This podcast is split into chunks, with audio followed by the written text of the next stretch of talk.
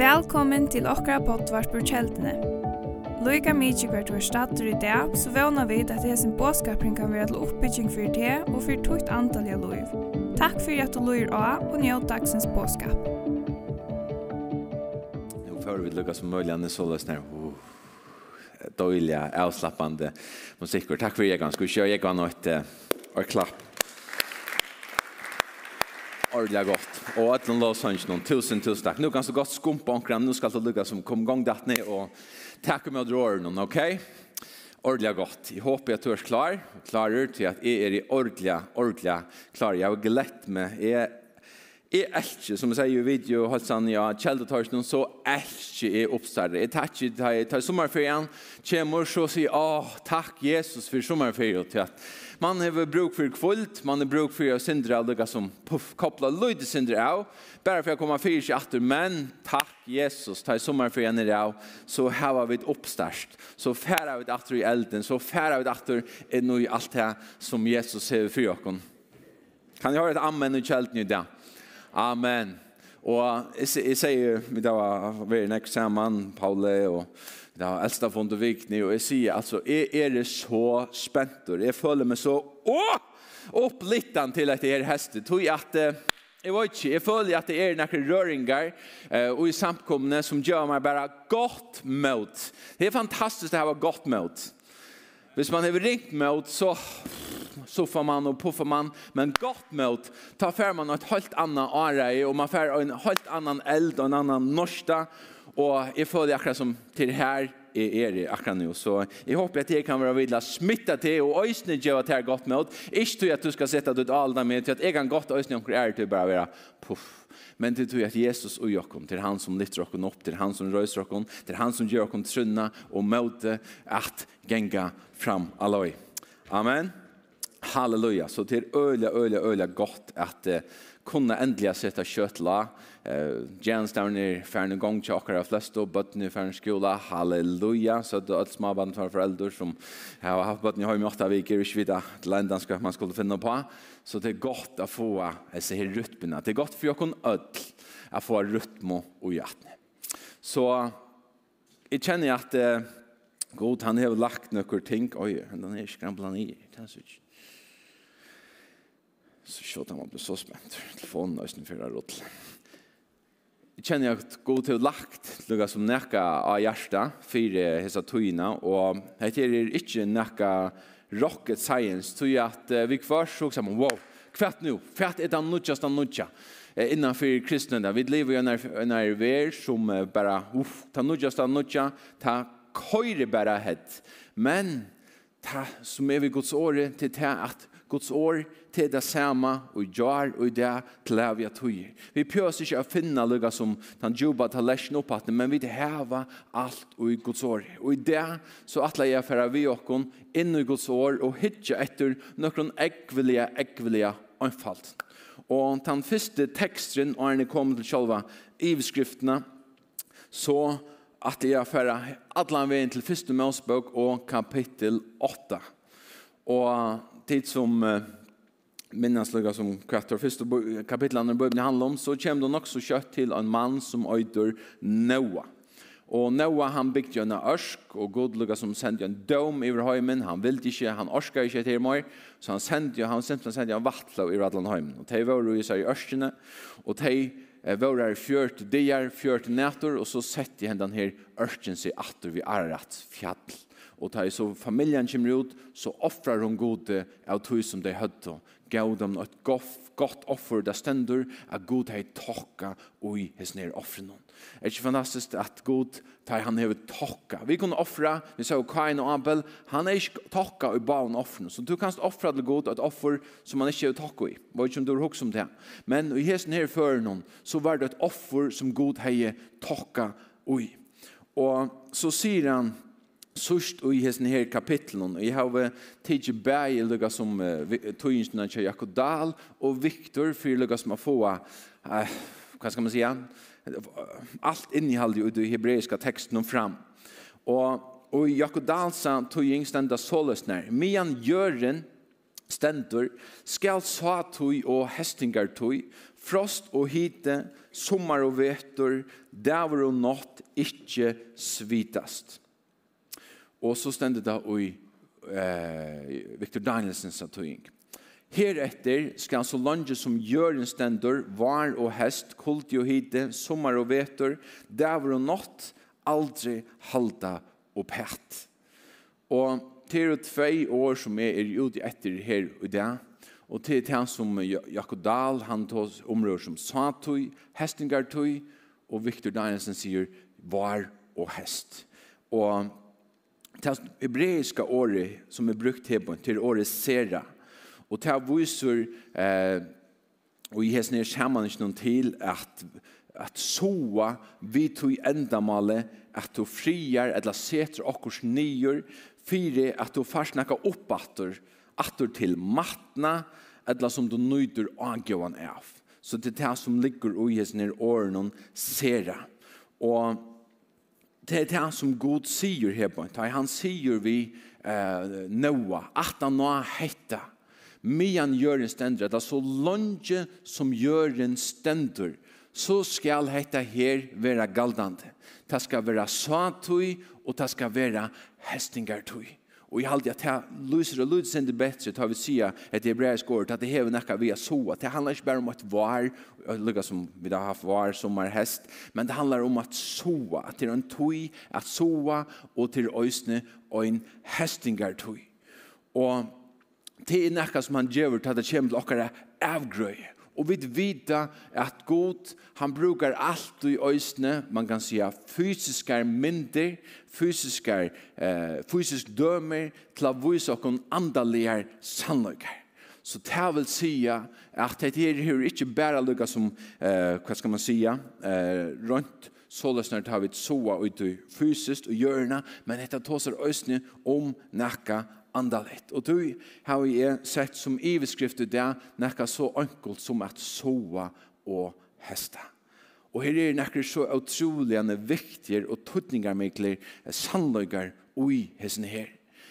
At for at hesta så måst du soa. Og hvis du soar så kommer du òsne at hesta fyr eller søtten. Så kunne vi diskutera hva så du og hva testa du og så fremvis. Det kommer vi inn om man har løtt. Men dette her er en tøy som er virkelig elskje. Eh, tøy at okkara årstøyre fyrjon, heste er jo heste, ta allega som løgnet spekler fra følgene vi har haft noen første heste og i vikene. Luften fra blålutsen kaldere, fruskere og eh, lidner og i naturen. Tar fra brunkast og gullnast og det var så negativt alt det nøy, men samtidig så er det også en tog her føringer blir jeg takket forskjellig opp, så hvis man har sett akkurat nye i var, hvis man har soa, så blir man også at taka upp fjöllene vera gingen kjøtt, lombene lukka som, som kom og var, de skulle nu tekast, så det lukka som du, det som du har arbeid, det møye som du har haft, nu er det lukka som, ah, heste kjemur, så det lukka som kjem du også nøyda, agavan av tog herra arbeid. Og, og i morgon, som får jeg en tur ut i havan, og allura etter forskjellion som jeg sette nyer i var. Vi nakkar sutja, hva det fann? ok, ok, her er onker. Så skulle til släppa sutt. Men nu, jag går inte här så ich lukar som avslöjar allt, men jag är in. Här bort. Först vill jag få inte här bort. Här bort. Så jag det Här är inte större än till du äter sin tuljen goda rötter. Vad ska hette er? Kvidleikor. Yes. Bueno, bueno. Det tog så här. Var hatt allt? Nej, det var det inte. Här är mor. Här är mor. Ah, er det møy? Ikke her, ikke her, ikke her. Ja, jeg vet, nek vi imponera i her. Hette her er en kolorabi som vil natt, og vil nok. Og jeg skal avstøre hette jeg var ikke en gang den største som er. Så hette her er øyla stått litt. Og så til som vi lever av førjen, her var livet av epler. Så hette her er lukket som... Hette her er urslit av, som man sier, nu börjar man at ah, få avgåan av tog, eh, som man sier, togene som man brukte på, å sette forskjellig nytt. Og det er så imponerande hvordan god har gjort dette her. At du då noe, og pikka, picka, picka, picka fra, og så først da en monster kolorabi at det fyrer, altså, borster ur det som de pickar lite ångon. Og så løs når hever god lagt hette her nyer i skapene, nyer i at soa og hesta.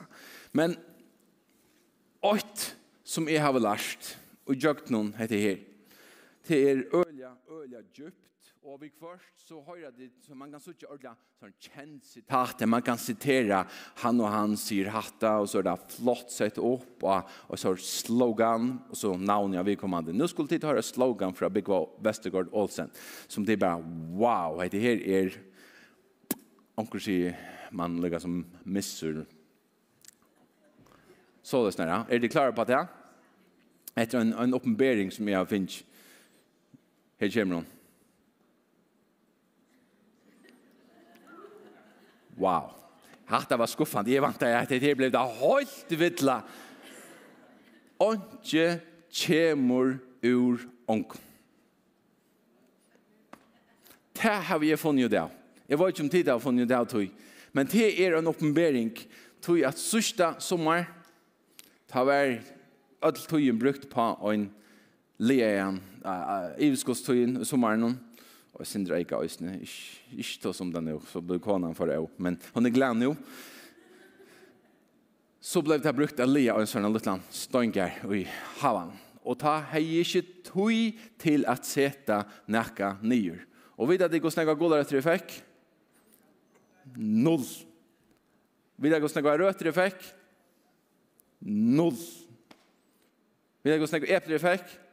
Okej, jag fick en lösen ur äpplen. Hon tvingade mig till att sätta nökra äpplen i. Så jag sätter nökra äpplen i. Men det var inte nekv. Men hette her er blivit någon sån lärdomar. Onke kemur ur onkon. Og det røysten såles når vi går rydg. Onke kjemur ur onkon. Vi kunne ikke bare vanta, ah, Gud bara allt. Allt. Sådan, jeg bør ikke gjøre noe. Nei, ikke kommer ur ånken. Det øyneste som nærkere du er kommet ur ånken, til det god skapte hendene i høymen. Ta skapte han bortur ur ånken. Her vær ånke, gjør en vær øyen, hva ber, god talaie, og ta bleif. Han sier skapande i år, skapte nærkere ur ånken. Men vi mennesker, vi kunne ikke skapa nekka vi ångkom. Det krever et engasjement, det krever tøy, det krever orsko, det krever akkurat fokus, og så videre. Så, åndsje kommer ångkom. Skal du vende deg langt og si, visste du av at åndsje kommer ångkom. Jeg håper faktisk du visste det er, men det er vannende vi nekka som sett seg i mån til akkurat andalige arbeid.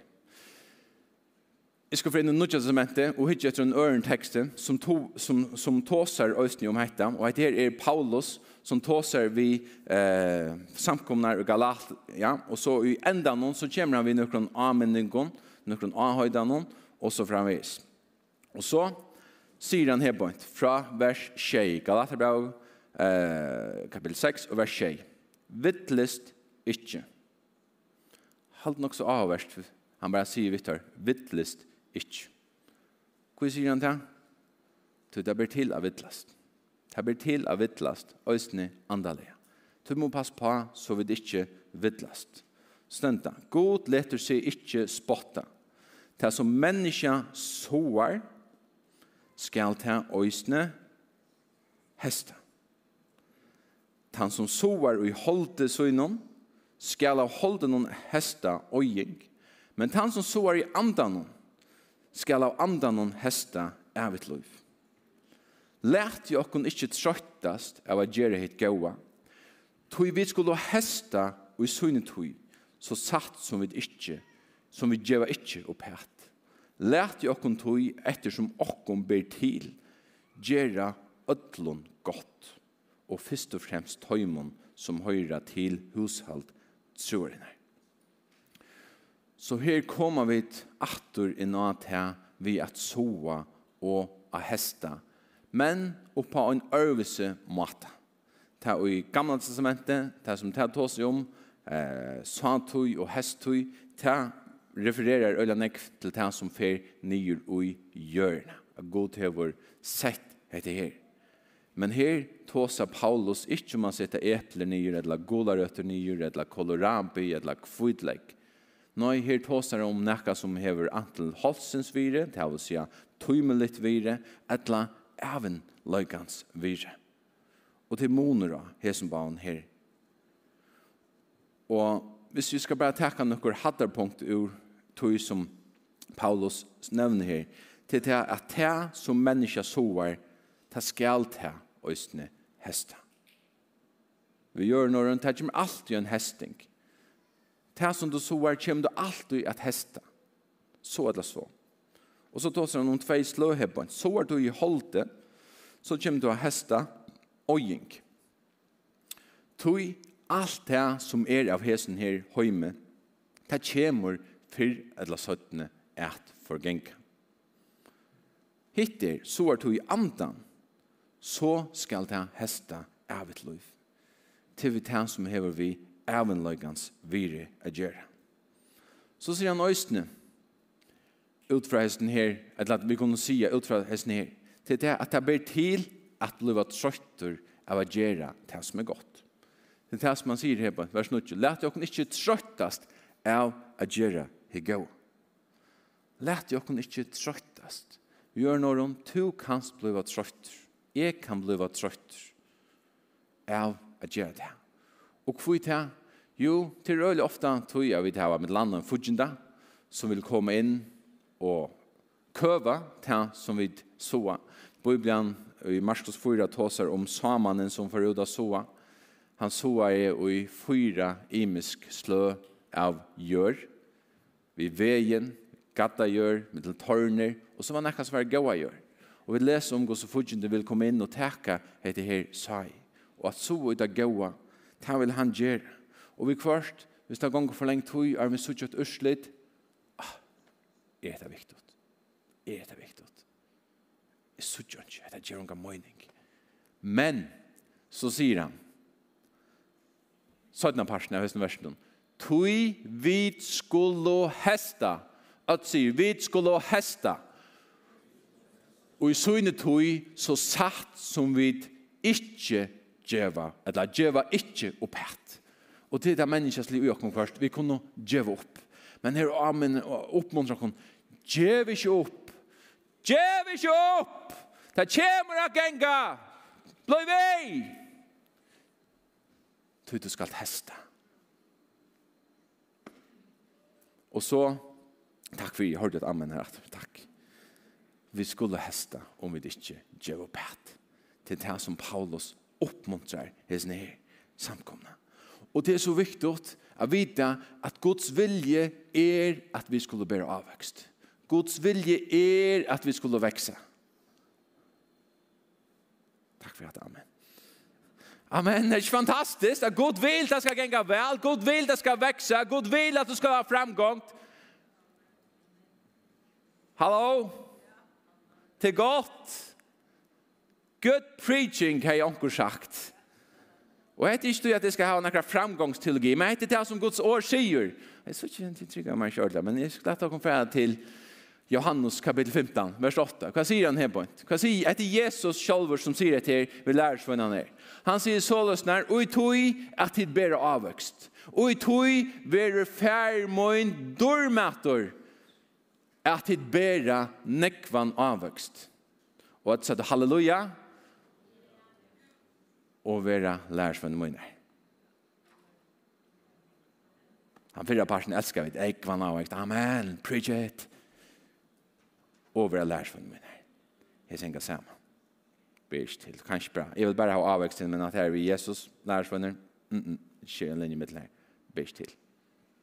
Og, ta enda skjer, til det andre vers, og i det samme kapitlet.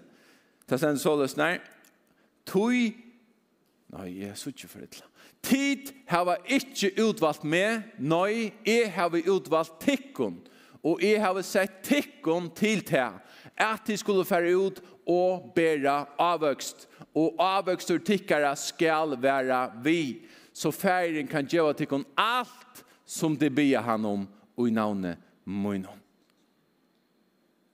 Hvor har vi kallat okken? Hvor har vi utvalt okken? hvis vi er sundagsskola, hva er svære vi? Jesus. Amen. Jesus har utvalgt te, han har utvalgt med til at færa ut og bæra avvøkst. Og ikke bare en avvøkst som følner, men en avvøkst som skal være vi. Og i ødlån hesten her, så verur færen dormetter. Det er fantastisk. Vi du fyrir, nei, jeg må ikke bli for gøy, jeg må ikke, vi må ikke. Jo, det er godt at det var framgångt til godt, god ikke til fyrir okkom. Men for at kunne bæra en avvøkst, hva krever det? At åndsja gjør. Nei, til vi da akkurat lagt en, lagt en djupan sannløyga at åndsja kjemur ur ånkom. Nei, for at vi kunne bæra en avvøkst, så må vi soa Jesus må hava nekka djeva attor. Vi kunne ikke, ikke kjemra ongon, men kor du okkur, bryr du a planta, bryr du a fria, så hev du møllega a bera avvöxt.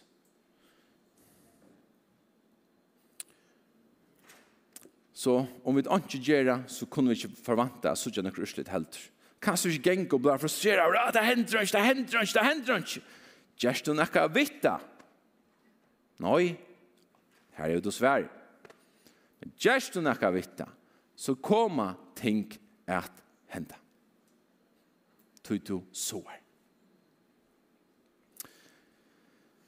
Ått som er galdande for öll menneskjo, öll, öll, öll, til det at vi blir født inn i en heim, vi ångon, vi får òsne utdatne ur sin heimon, vi ångon.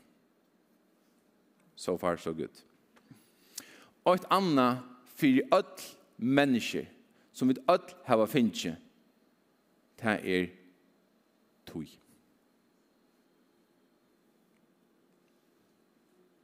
Vi hava öll finnje tui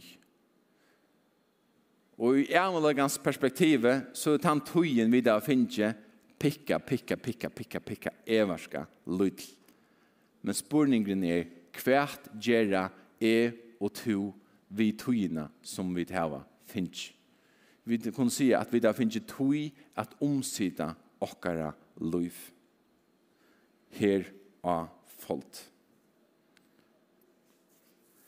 Hittar vi dette okkara tog så er okkara, så er heimren bygter så snar opp at vi hava strukturera, at vi har 355 dager nære, vi hava en måned som er omlag 30 dager, Vi har en viko som er tjej tjejdier, vi har et døgn som er omlai 40 timer. Og det er nokkur ting som vi har bruk for, vi har bruk for svøvne, og sier amen. Vi har bruk for svøvne, kanskje tjej åtta timer. Eh, de fleste har bruk for, hver andre hver du er til løgnen, så arbeider du kanskje åtta timer, som er minne, som er møyr, alt etter omstånden til åkken. Og så er det hvis vi bruker Hesberg som utgangsstøy i 8 timer, 28 timer, så har det cirka 8 eller 9 timer til resten av døgnet. Hvert bruker du tøy timene til. Det som du bruker tøy timene til, til ofte tøyner ræfestninger. Det er det som du utgiver. Glem å slippe høyen fra arbeid, glem å vakne opp om morgenen, eller hva man vil, tog så kan jeg gjøre hattar eller hattar eller hattar. Og den tog som du setter til det, det er det samme som det som du ræfester. Og vi kvar så kan dette være sin kantot, men det er den veldig sannløgjen. to ræfest, Den evigskapsyn, hvordan bruker du den, hvordan omsitter du den? Jo, du omsitter den til det som to ræfest. Og jeg kan ikke lade være ved at uh, lukka nevna øysene. Nå har vi uh, hørt noen unge bønt som eh, forklarer også hva de opplevde i, da vi var i Singapore i sommer. Og som flere løyer så, så må jeg også bare døyla vidt eh, og parsta løsene kvart vi opplevde. Det var en fantastisk tur på alla måter. Jeg halde just en tid av horsene godt, og jeg finner ikke ordentlig var attemeldinger, og så stått litt av å være høyre til unge, og folk sutja at de er møtt, de sutja at god til å berørst de, ångsvekkene. Eh, men det som vi eh, så her på en, det var jo til at vi så en samkom her som det er vekking. Vi så en samkom her vi verland opplevde hva vekking er for nekka. Og ikke en vekking som bare pum, dette nere av himmelen og brøyder alt, men jeg vil si at her er en vekking som viser mennesker som offrer seg mennesker som bruka sina tøy. Det som en øyla stor felagsnevner for alle sier menneskene som vi uh, møtte og tåsa vi, det er hvordan de omsett, omsøvde sina tøy og dive svøvne og arbeid skola. Hva de brukte tar eika tøymaner som ikke som man var løftsneier lukka som til alt møvlet, hvordan de omsøvde tar tøymaner. Og det var øyla smittant. Um, og de offra og veljene sina tog til samkomna. Og så kan man spyrja, hva er et offer? Hva er et offer? Jo, vi sutja at det er, man kan si at det kan ta som at det er imisk slø av offren. Og i gamla testamentet, her sutja vi et ødel møvelig slø av ødel møvelig som hei vi launa at gjerra. Men hvis du i det større høyla skal tås om at et offer er, så kan du si at offer hever nekka gjerra vi at du djevor av tøy som er tøyt. Du djevor av tøy som er tøyt. Og offer hever øyne nekka vi at det er som du djevor. At det er kostet det er nekka. Hvis det ikke kostar det er nekka, så kan du spyrir deg selv hva et offer ligger ut i. Hvis det ikke kostar mer nækka, hva er så offre og i tog som du gjørst? Det kostar ofte øyne i pengum, orsko, engasjement og så videre. Du gjør nækka av ter sjolvun, som du onkurs vekna kjenner svian fire. Du offrer det inn i uh, fitness. Du føler svian av det, men du først øysene nækka at det fyre to djevelen, ah, kroppen sier nøy, hold du der sier nøy, men det kommer nækka atur fyre. Og god han gav det største offre som nekran tog er give. Og vi kunne aldri utgjeva god. Men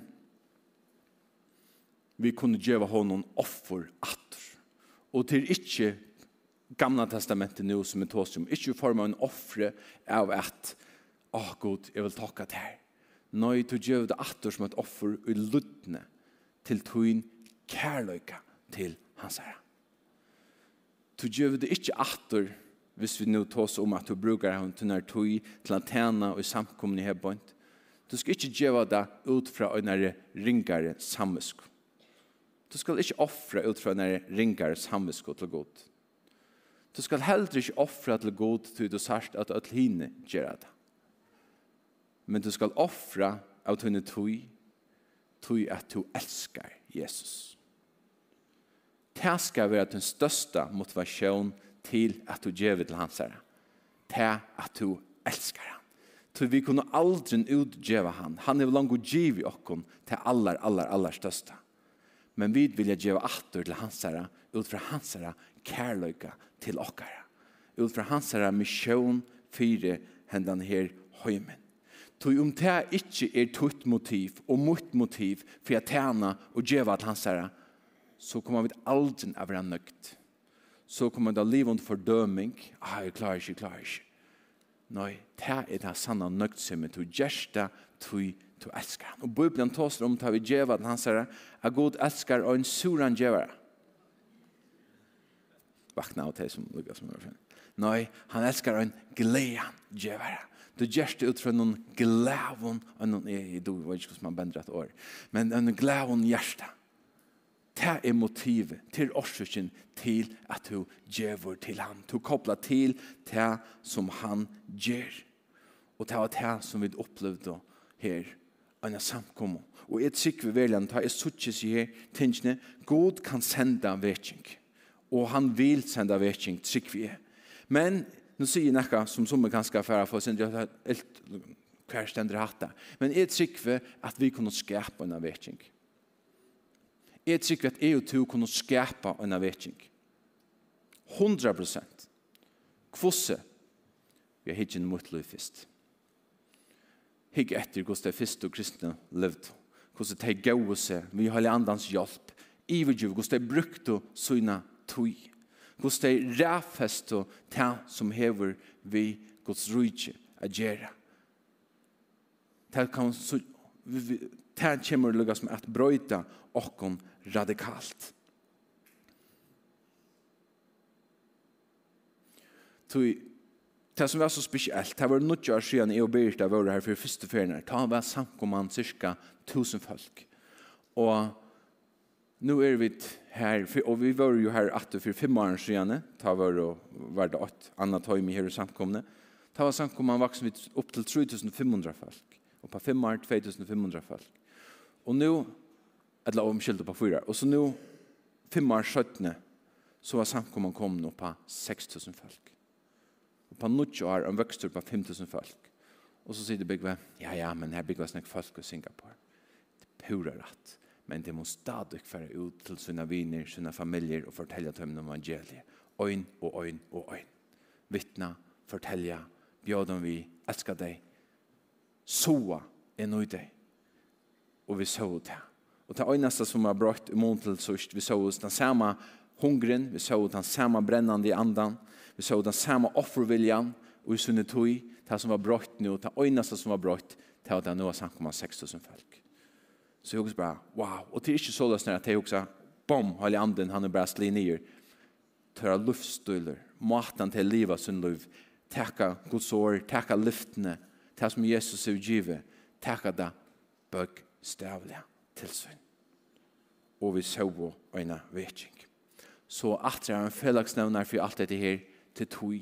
Og hittar vi det ut i samfunnet i det, så sitter vi alle stans at tog og urslit til å henge sammen skulle vi få et godt urslid i omkron, så skulle vi så er det ofte likvi hvordan jeg var tøy bruker du på det. Ringt at argumentera seg så jo, det kan omkring kan godt kjeldas om en eksamen jo, her som øyne ikke gjørst alt, kjøkken alt are og bare tåsa seg til at tøltal med hins strujist og alt are, jeg fikk tjei til en undersøk men i långdene så kommer tunn hopper av at strujas for hinknon av bæra til nek langer enn tan personen som ikke gjør det. Tøy og urslit kommer alt tøy at henga saman. Og tøy høyra tøy og gos rujtje saman. Og jeg hukse, ta i hitje i vårt land, og det er ikke for å være, som man sier, vi nu skal ikke være dæpor, vi tar en god som uh, er av trånene, og han ånden kommer av velten av trånene, halleluja, men vi først så må lukka stinga fingrene i hjørnet, hva er det som hender? Hva rører seg i akkurat fyrjon og det? Uh, Gengi Kristi av løy, eller gongran atraløy. Så gjør vi fløy og fløy brennende kristen, eller så gjør vi færre og færre brennende kristen. Hva er vi? Vi kunne ikke bare lukka som liv i denne boble og si, at god og god, han kommer løse alt, Han vil løse det, men han vil ha øyne av te og med til å hjelpe seg ved å gjøre det. Og da jeg ikke i vår eh, kristna landsleie i følgen i det, og jeg har sagt det før her bønt, så har jeg yngst at jeg sa en ære gongt. Jeg er yngst at jeg sa flere mennesker ble frelst. Jeg er yngst at jeg sa flere røtter som røste seg opp og sier, jeg vil gjøre alt for Jesus. Alt mot liv er for Jesus. men de har vel at analysere øsene. Er de vel hitje etter hvordan gjør det er av samkommer, hvordan arbeider man, hvordan gjør man, hvordan, hva for mål setter det, hvordan arbeider det vi i imenskon ting og så framveis. Og da er hitje etter samkommer og førene det. Og vi tås om tøy og urslit og alt dette er forskjellig. Til ångsvekna så måte så just atter om samkommer vekser eller minkar først til denne fyrtøk, og ta gonger bare atrettene, så hikker fyrtøkene inn i seg selv. Men, hem okkur gerast, hem okkur grunnleggjande gerast, etla fra fall fallit. Skifta vi til eivra samkomna, hvis vi bare geng atre og atra etter, så er det ikke samkomna mor. Og hikker etter samkomna i det, og så huksa vi orskene som vi har brukt i nekken samkomna. Og hette er ikke fyrluga som man poika ut og døma, eller nekka som helst, hette er bare fakta til det at vi suttja ofertliga få folk starvast i samkommun og kyrkjen. Møgnjønshøsnum, misjonshøsnum, brøra samkommun og så videre. Og i størsta mån er samkommu virksomhet i okkara landet baseret på avloppstøy.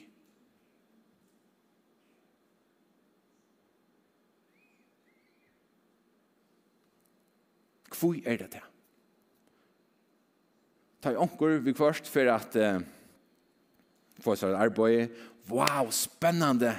Du har blivit, oh, du skal arbeide som en uh, solomaur. Ok, cool. Og ikke gælder jeg solomaur, ok? Nå sier jeg bare som en døm. Ok, du skal være kateløyer her. Cool, spennende starv. Man lytter det opp starven. Så kommer han inn. Hva gjør du? Arbeid samkom. Oh, hva gjør du her?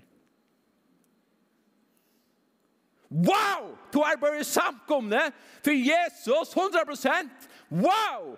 Hvordan cool er ikke det?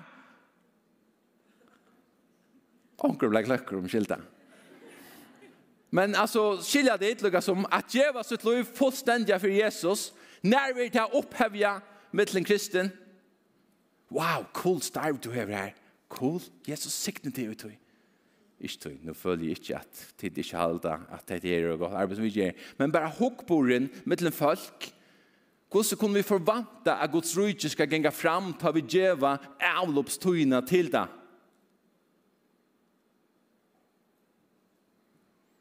Det er bare fakta. Og her må komme en hokkbordsbrøyting inn. Og jeg er så glad over at vi nästa vik skifte kommer väl signa Mario Fröja en kvinno som kommer å arbeide han jo samkomne. Vi skulle være vise veien, og vi skulle ha fløyre. Vi har så kjempe potensial i høysen og nærste. Men det krever fløyre arbeid. Det krever fløyre som kommer arbeid. Fodla tog og Jesus samkomne. Tog arbeid blir for størst. Kjem Paula, kjem her. Tog samkomne vekser, og det takker vi Jesus for det Men om vi ikke tar oss av oss vøksen, så kommer man også til at fære nye rettene. Og jeg sier ikke at vi har det beste, og henne er ikke gøy utenfor. Vi vinner ikke før jeg land ansamme til kjeldene. Vi kunne ikke, som man sier, å, det ganger ikke godt jeg tar imot. Det er jo en sorg og hjerte ta vi høyre om samkommer som strøyast. Ta vi høyre om sorg og hjerte ta vi høyre om samkommer som ikke har noen ungdomsarbeid.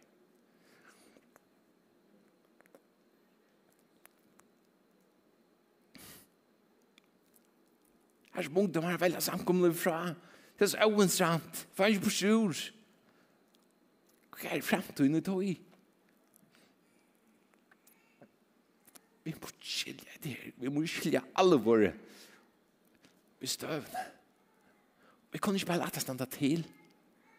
Vi må gjøre noe vitt. Lidslid likur tja her og tja mer. Unger her herastan. Ungar herastan. Skode god. God kan gjøre det som han kan. Men han bruk for det her, han er bruk for mer. Til å gjøre det her. Hva er så av det? Hva er så av det? Hvor sørger vi ikke avvoksen? Hvor sørger vi ikke om lovmande ungdom? Hva er det vi tar så? av? Vi hesta det som vi tar så. av. Vil det godt eller vil det illt? Det er det som Guds år sier. Vi må huksa kvært vi såa. Og det her kommer til okkara tui. Hva bruker du og er okkara tui til? Og hette ikke gjør at her ringa samvisko i dag, og du bor gjørs mer og mer.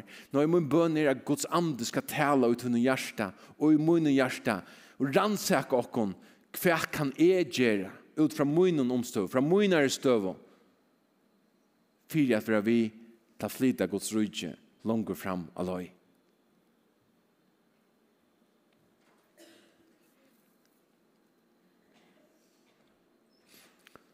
tog i heimen i dag, tog det fast food, det er fast, fast, fast.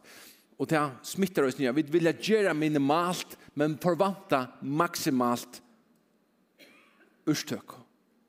Det hunger bare skjema. Vi kunne ikke forvanta vi avloppstøy å få det beste urslittene. Det må God, God er ikke bort. Han sier, hvis du ikke vil gjøre mer tøy til etter, eller jeg ikke vil gjøre mer til etter, Hvor, skulle det ha vekking? For en annen siden så tog seg er det rom for Jesu, er det rom for vekking til oppstartsmøte? Må gjerne finne at en lort etter tog taler, en ekstremt rannsakende taler. Er det rom for deg? Eller er det ikke? Og det er bare to som kan svære for det, og jeg kan svære for meg. Soa og tog vi kvørjon, vi bønnen hvis du ikke får bønersvær, så måst du be. Og du måst ikke bare be i øynene for denne, ah, jeg fikk det ikke. Be og be og gjøk noen. Be til du ser at du gjøk noen brått. Soa og bønnen, så skal du snill heste sikningene av til. Men hvis du ikke soar, hvordan kan du forvente å få henne? gode nøyer, gode gauer, og vi kvar så gjør vi gode akkurat ting som vi slett ikke har oppe på det, som vi slett ikke har allega som rett til, men det gjør han ut fra sin kærløyga. Men han har samståndes sagt nekka vi til meg. Han har samståndes sagt at det, så langt som gjør en stendur, så skal det være satøy, så skal det være hestøy. Hva gjør vi vi, sier vi danna? Hva gjør vi vi fregne som vi har? Hva gjør vi tøyna? Så har vi, hvordan så har vi? Hvert så har vi? Og så framveis. Så er vi bønnen. Les Guds år. Så av tunne tog inn i Guds år. Inn i Guds lyfter. Ikke quick fix. Les det. Har du ringt vi å få ordentlig til? Kom og BSK i hest. Om du ikke... Ikke bare at du har ringt vi det, men du har kunnet komme og BSK. Men har du ringt, ja, men så kom for hjelp. For hjelp. Pjør ikke skammast vidt. det. For hjelp. Tås av vi omkring. Hvordan lest du Guds år? jeg har brug for hjelp her bant. Det er bare det som vi kunne vekse. Vi vekser ikke av noen øren enn Guds år. Det er det som Bibelen sier, til mætren til åkken, Andalea. Eter du ikke, så blir du sjuk landans. Det er bare fakta. Og meg der er jeg strenger, men det er ikke min bøn å være så strenger. Ok? Sier vi igjen, han er ikke strenger som han gjør.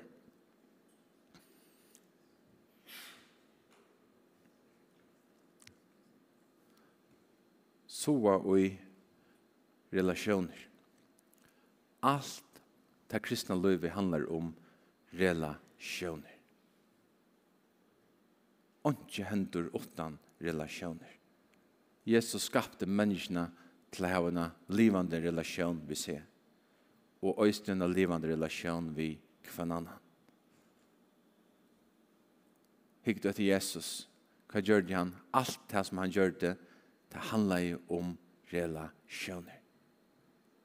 Han brukte tog vid synnen, lärsvönnen, för att tjäna dörr upp. Och vid liv och det är så individualistisk som har med. Hej, jag har det bäst själv eller själv. Vi må bruka tog samman. Smitta för en annan vi tog gå. som syskjen i herran.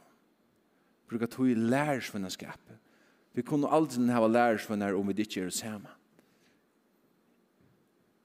Det er døylet vi mail, det er døylet vi telefonen, det er døylet vi forskjellige. Men å sitte sammen og etter som Jesus gjør det vi lærersvennen, det er det vi skulle gjøre. Så vi har et oppfylgning med den andre. Å være sammen, bruke tog. Jeg tar seg vi låsangstjenestene eh, mannakvalgte.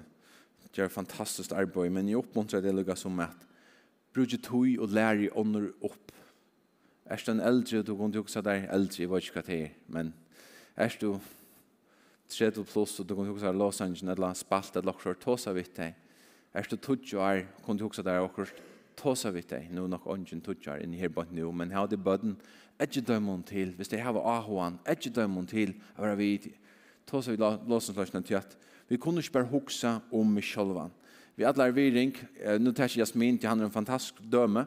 Han har tränat fløyre ungdomar opp på en spalt trommer en. Så løsner jeg, tar Jasmin ikke er hebboint, så kan noen andra spela trommer. Og til det som er enda mal. Hvis onker er her som, en dag, så knappt några sangar, til alle sangarne er onker stans. Hva er uthøy? Trena, ven opp, lær svunnaskap, lær, lær deg, jeg bruker sånne gaver, lær deg, så løsner vi omgang til i hese samkomne kommer mangla folk av noen posten. Du kan ikke bare huske om det sjølva. Og så tar er vekk, ja, men det er torre problem. Gå du sett dere som et likam. Hvor kommer at han til? Ta to første sted. Hva for tomlen leto, eller leto, en sterskare til at du har haft nekran som du trener opp? Relasjoner. Alt kommer av relasjoner. Og samkomman, hon er ikke bare til som vi suttja her sånn morgon samkomman, det som enderspeglar det som vi sutja sånne morgon til det som hender fra nu av klokkan ta møte liot til nasta møte byrjar nastfyrne. Hva hender her i middelen? Hva brukar du tog på? Venjingar, husbalkar, ungdomsarbeid, eh, venje opp, junior, og så videre, så videre. Til det som gjør at vi får en sterska samkomman. Hvis tøyt får vi oss lukka som Sundaren er det viktigste. Tar vi til alle familien sammen. Men hvis du ikke bruker tog, mandag, torsdag, mykdag, høstdag, frugtdag, lærdag, sundag, og på nekka andalde virksomhet, så blir vi det ikke sterk. Hatt er fakta. Hatt er fakta. Relasjoner. Skilta. Jeg bruker å syndra tog jeg trett. Hvis jeg anker om affæren, så fræder du stytla. Men dette er viktig. Dette er akkurat kære viner, Frankie Han var i följen här i fjör och han är och mig inte att här är hatt är Frankie. Hatt är Frankie. Eh ehm han var i följen i fjör och ta ta ta var här undervisa bibelskolan och te Uh, han var en verster tja, tja tøymnen nu tar vi var i Singapore og alt bare elsker Frankie. Han er en sånn lukka som jeg sier Frankie, thank you for every... No, no, no, no, no, no. Thank you, Pastor Bigvid, for bringing everyone here. Akkurat som man kan ikke takke honom. Han vendte du alltid til okkon atter. Vi går sikning, men han pff, alltid atter som en bumerang. Men bara för att lösa hans hjärta. Han är tjej och är arbetar i halvdje, han är jurist och han arbetar, han är damo och ska giftas. och en affär när och för att skaffa sig hus. Det är bara flera år i Singapore men allt det är igång till honom. Så då ena kvällte så hade vi varit och ätit samman här bort och så Så det var fritja kvöld, og så nästa dag så hadde lukket som at fru og alt det her. Så spurte han Frankie, hvert uh, leier der morgen, hva er det gjør han fru, slapp av? Å oh, nei, morgen så fer jeg til Malaysia, og Singapore, Malaysia, her er en brygg ved midten, så det er lagt å komme atter fram. Jeg sier, ok, Malaysia, hva er det gjør det her bort? Nei, uh, Det var en tala i samkomna fra pastoren om för för en artusian som säger det er så viktigt att vi inte bara har ett skickvande viner, att vi inte bara är tillsammans med tajmon som vi alltid er och samma vi i samkomna till så kommer vi til å vinna under mennesker. Ja, okej. Nei, ja, och tog färg till Malaysia vi fyra av min starsfällor. Så, så håper jeg lyssna nu, så håper jeg att jeg kan bjuda tajmon att möte och jólum. Hette er jólemanna. Hvis jeg kan bruka tog saman tøymum, bytja relasjoner, godt vinnerband, så håper jeg at jeg av jólum at jeg klarer å komme vimmer av møte og takk det Jesus.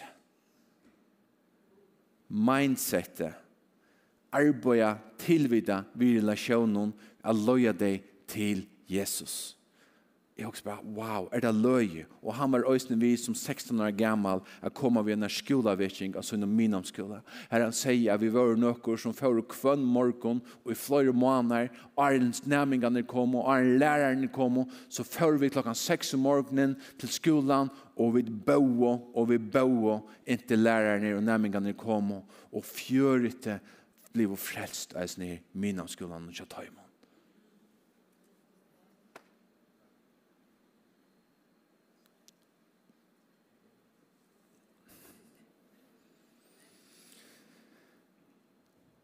Jeg måtte røpt så rann, jeg måtte hoppe stålen her, men jeg gjør det ikke. Takk, Jesus. Låsanger kunne komme opp. Så var i ungdommen, så i bøttene, så var i neste atterlig. Som jo samkom nere kunne huske ganske, ja, men åh, for vi tåsa det sånn, hva vi mer som er blevet fjørt, hva vi mer som er blevet holdt trus, hva vi mer som er blevet trus, hva vi mer som er blevet holdt fjersk, Hørst du at jeg takker Jesus fyrir til kvann den øyneste det. Jeg takker Jesus fyrir til kun ødel som har vært vi til å slå av fire. Men vi kunne aldri takke fyrir givet at han neste atterlige kommer vi om vi ikke soa nere i det. Om vi ikke bruker tøy og orsko. Jeg takker Jesus fyrir at du er blitt trykker, trygg og tunnet trygg og tunnet gong til Jesus. Og jeg bier, du er, du er en pele og en søyla i samkomne som den neste atterlig kan lena seg etter rett. Ta i ånder, lukka som har, ta i unga og troblokkar, lett det så merskja til en stol, lett det merskja tunn oppmuntran. Tu er ganske komna sindri bjørn, tu er som i orsko, ikke om energi, gles om det energi, til orskene som hesir ungo koma vi, passionene, ja, men det blir ikke til Jesus på samme måte som er, til jordan, Du blir heldig til Jesus på samme måte nå som du var 16 år gammel. Ok? Så let dere omføvne deg. Let dere være her. Let deg føle at denne her samkomman er en samkomman som tror på den neste atelier. Ikke si bare, nei, nei, nei, nei, nei, her er aldersmark. God kan ikke bruke det for en toårsland av sin alder. Lett dere aldri være en sånn samkomma. Og skal også sissa det vi øynene. Det er ikke for jeg tekker til plass. Det er ikke for jeg tekker mot plass. Det er her til å gjøre okkom betre. Det er her til å hjelpe okkom. Brøkka, så vi ikke skulle gjøre alt sjølve. Så komast deg og leggjast at træt. Takk for at, amen. Amen. Så komast deg og leggjast at træt. Ta sørste. Vi mittlom. Samkomman vekser. Og vi tåsa rævlig løyde om pengar i seg her samkomne. Jeg vet ikke om du har hukset om det. Vi blir alltid akkurat fire av kjeldan til penger. Vi tar innsavnen øyne for nær og manen. Ångten er her, ångten er ikke innsavning om det er ångten tiltak eller så sånn her. Men det stender sånn ikke i Guds året om penger, om midler. Og vi må øyne, og til givet lokken øyne, at så vi. Så vi åkere midlene inn i dette stedet Om du tror du på hessa samkommo, så håper jeg også at vi og djever reglelige inn i seg samkommo. Det er ikke krev i vår høver, det er djever det pura klart. Jesus älskar det, og så vi er. Men hvis du hever hetta som ditt andalige høy, så håper jeg at du hørst vi øsne, og du djever til hette her sted. Øsne til unge som er av opp, at tid er vi til å djeva øsne, akkurat som de som er gynnsjen undan, at de takker til arbeid nøysene, at det her er mot høym, at det er mitt andalige høym, og jeg skal være vidt til å bytja det øysene vi munnen penger. Bibelen tåsar øyljande grått i Malakias 3.2. Bere atla tutsjendene inn i gømslene som mætur kan være i huset munnen. Røyne meg av henda hot, sier Herren, god herskeren om vi ikke ta lette opp luger himmelsens fyretikken og lette sykninger og i iverflå strema ivertikken. God sier etter. Det er ikke Bygvi Åsen som sier etter. Eller Pauli Høy, eller nekker han her. Det er God som sier det. Det er en test.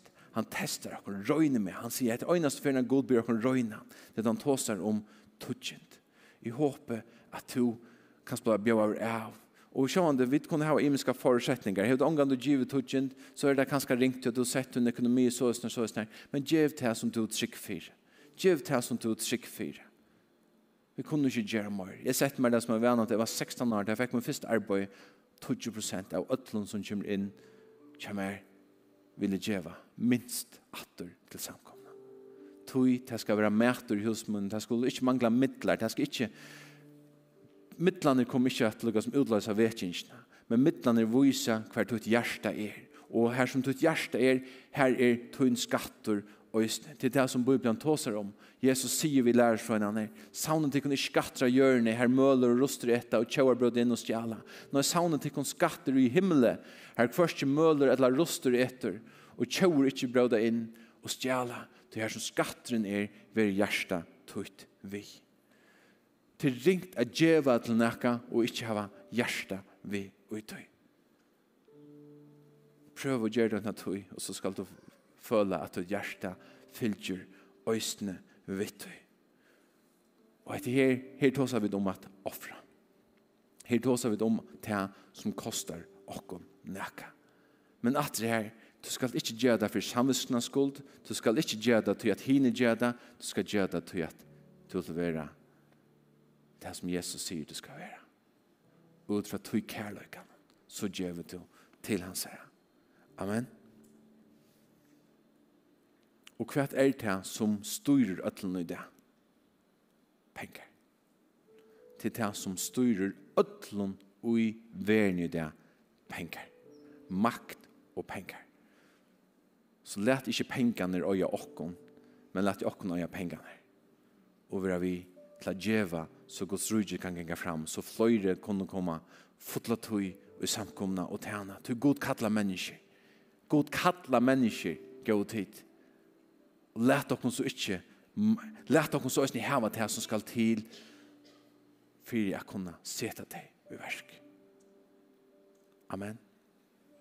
Så hvis hese her tingen her på en, lät dere være vi at så, så skulle vi då ösnen sucha hästingen av dig så skal vi sutja avvøksten av deg. Og så, så, så, så viktig. Jeg har en lenge om og i vei, hun døg for nekken her siden 1993. Og hun var en djupt tryggvande kona, Maren Jenny Østene, bøg og nekk fire okkon. Og hon sier, hon sier så løsner alltid. Om du ikke djever, tar du øye løyde så gjør du heller ikke tatt øynekv. Nå er det ikke godt sår, men jeg har alltid hatt en jobb, og hatt en visdommer og en sannløg og i hessen her. At oansett hver vi der, så kunne vi gjøre til det handler om akkurat hjertet. Og jeg er, nå husker jeg ikke bare om penger, men jeg husker også om tog. Selv om du har luttlet tog, gjør jeg lykke av alle avtøyene tog til samkomne. Gjør tog. Så tog, tog du, tog du, tog du, tog du, tog du, tog du, tog du, så først du øyne djeva mor. Men djeva det ikke, så kan du heller ikke automatisk vanta at du djever, ta i, du hever, nekva tui. Halleluja, skal vi røyse åkne opp sammen. Så det himmelska og i hessen her,